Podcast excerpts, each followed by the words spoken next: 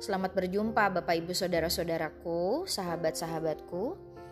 Semoga kita semua tetap sehat untuk bisa menjalani keseharian kita di KRT daring pada saat ini masih bersama dengan GKP Jemaat Bandung. Ibu Bapak yang terkasih di dalam Tuhan,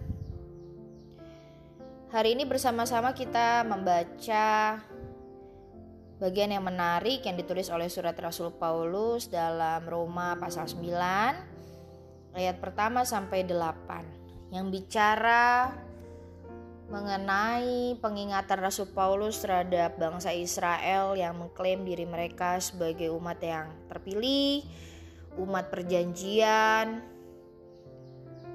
yang membuat mereka menjadi eksklusif merasa bangga dan yang lainnya tidak setara dengan mereka gitu ya. Ingat hal ini saya jadi teringat pada satu lagu sekolah minggu. Ya. Yang syairnya kira-kira begini. Aku anak raja, engkau anak raja, kita semua anak raja. Itu sebuah lagu yang cukup populer ya Bapak Ibu ya. Yang menggambarkan rasa bangga kita jadi orang Kristen. Guru sekolah minggu mengindoktrinasi anak-anak bahwa jadi orang Kristen itu paling hebat di antara segalanya. Ya kan?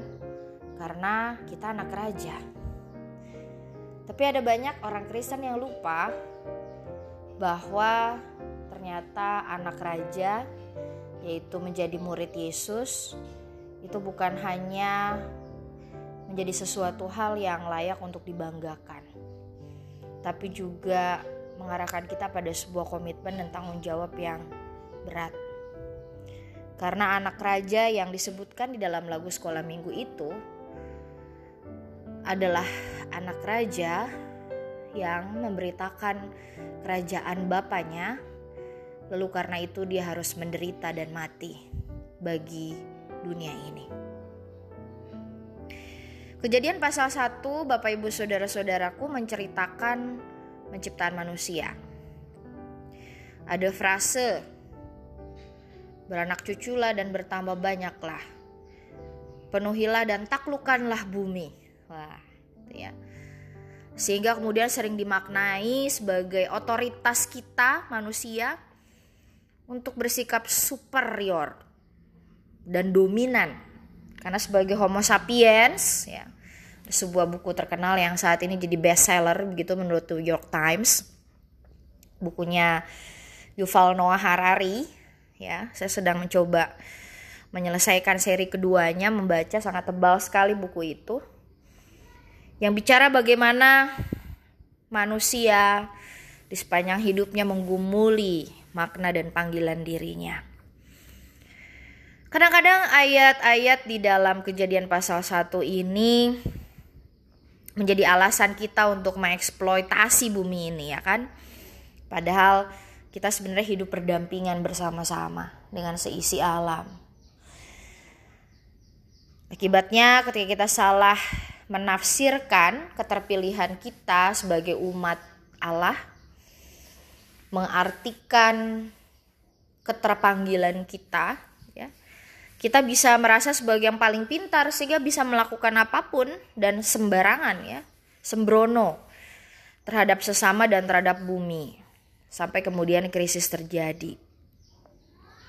Saya ingat bahwa ketika dua minggu eh, pandemik COVID-19 itu ada ya di tengah-tengah semua stres yang umat manusia alami karena harus stop ya bekerja di luar rumah dan harus mengurung diri di rumah untuk karantina diri. Ada sebuah liputan menarik yang dikeluarkan oleh WHO yang menunjukkan melalui kacamata satelit di atas bumi bahwa bumi itu tampak sangat hijau dan udara sangat segar sekali. Karena ternyata selama dua minggu kita karantina atau isolasi diri, udara menjadi lebih segar. karena pabrik dan juga mobil tidak menyumbangkan polusi. Dalam surat Roma Rasul Paulus mengingatkan kita bahwa keterpilihan Israel sebagai umat Allah tidak didasarkan pada asal muasalnya. Karena latar belakang itu ternyata nggak menjamin keselamatan.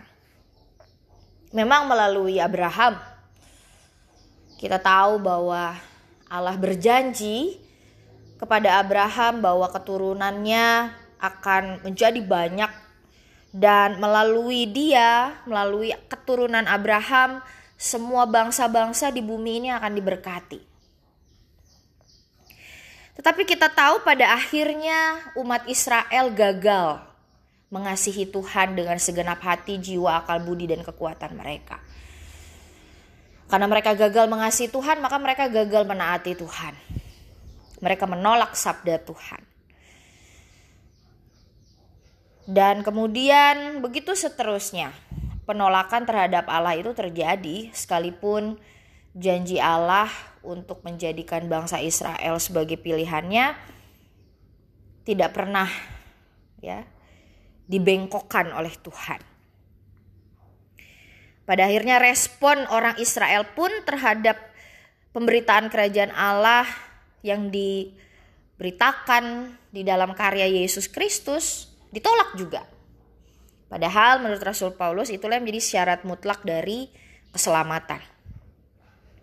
Karena meskipun menurut Paulus bangsa Israel itu keturunan Abraham dan mewarisi pemenuhan janji Allah pada Abraham, pada Ishak, pada Yakub, tidak serta-merta membuat mereka mewarisi penyelamatan ketika mereka tidak meresponi berita Yesus itu dengan rendah hati dan terbuka. Mereka menolak Yesus Kristus yang adalah jalan, kebenaran dan hidup bagi bumi ini. Dengan penolakan itu, kata Rasul Paulus, maka bangsa Israel berada dalam golongan yang menolak keselamatan, seperti Esau yang menolak berkat kesulungan itu dengan menjual hak kesulungan pada adiknya.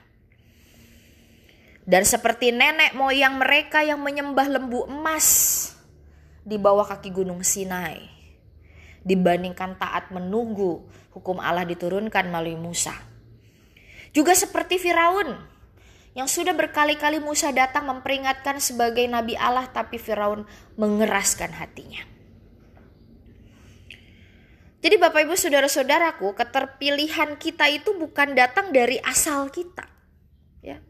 Bisa jadi dari kecil kita Kristen. Tapi bagaimana sikap kita terhadap pemberitaan kerajaan Allah pada saat ini? Menjadi Kristen adalah sebuah perjalanan yang kita hayati di seumur hidup kita. Ibarat berlari-lari dalam sebuah pertandingan, kita bisa jatuh, kita bisa nyusruk, kita bisa ngeglosor gitu ya.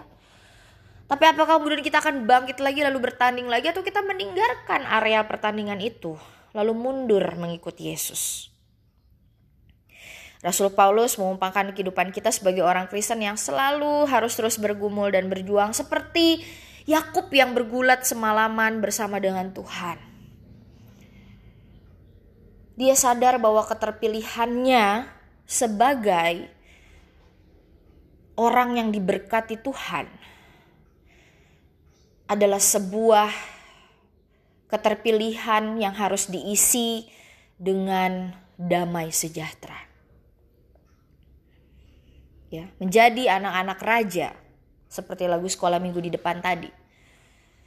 Tanpa damai, karena hidup berkenan di hadapan Tuhan tidak ada gunanya. Ketika Yakub bergumul melawan dirinya, melawan ego, kesombongan, dan setelah dia menyerah, dia menemukan siapa dirinya. Dan kemudian dia diselamatkan. Karena dia sudah beroleh pengampunan. Nah bagaimana dengan hidup kita saudaraku? Apakah kita bisa menyambut ajakan untuk menyerahkan hati dan kehidupan kita, mengakui segala dosa, bersikap rendah hati dalam memaknai keterpilihan kita sebagai umat Allah, sebagai anak raja.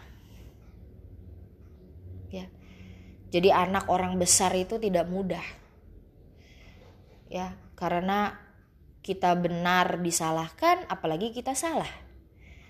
Lihat saja kan putra presiden ketika mencalonkan di pilkada tahun ini. Hebohnya luar biasa. Ya, apalagi orang Kristen. Memikul salib sebagai murid Kristus. Menuntut kita untuk hidup serupa dan segambar dengan dia. Kalau kita memahami bahwa diberkati Tuhan, dipilih Tuhan, menuntut komitmen dan tanggung jawab kiranya ini bisa menolong kita untuk bisa lebih taat dan mengasihi dia. Sehingga kita sungguh-sungguh bisa menjadi saluran berkat bagi sesama kita dan menunjukkan bahwa terang Allah itu dan keselamatan Allah itu sudah menyinari hidup kita. Selamat menggumuli sabda Allah. Amin.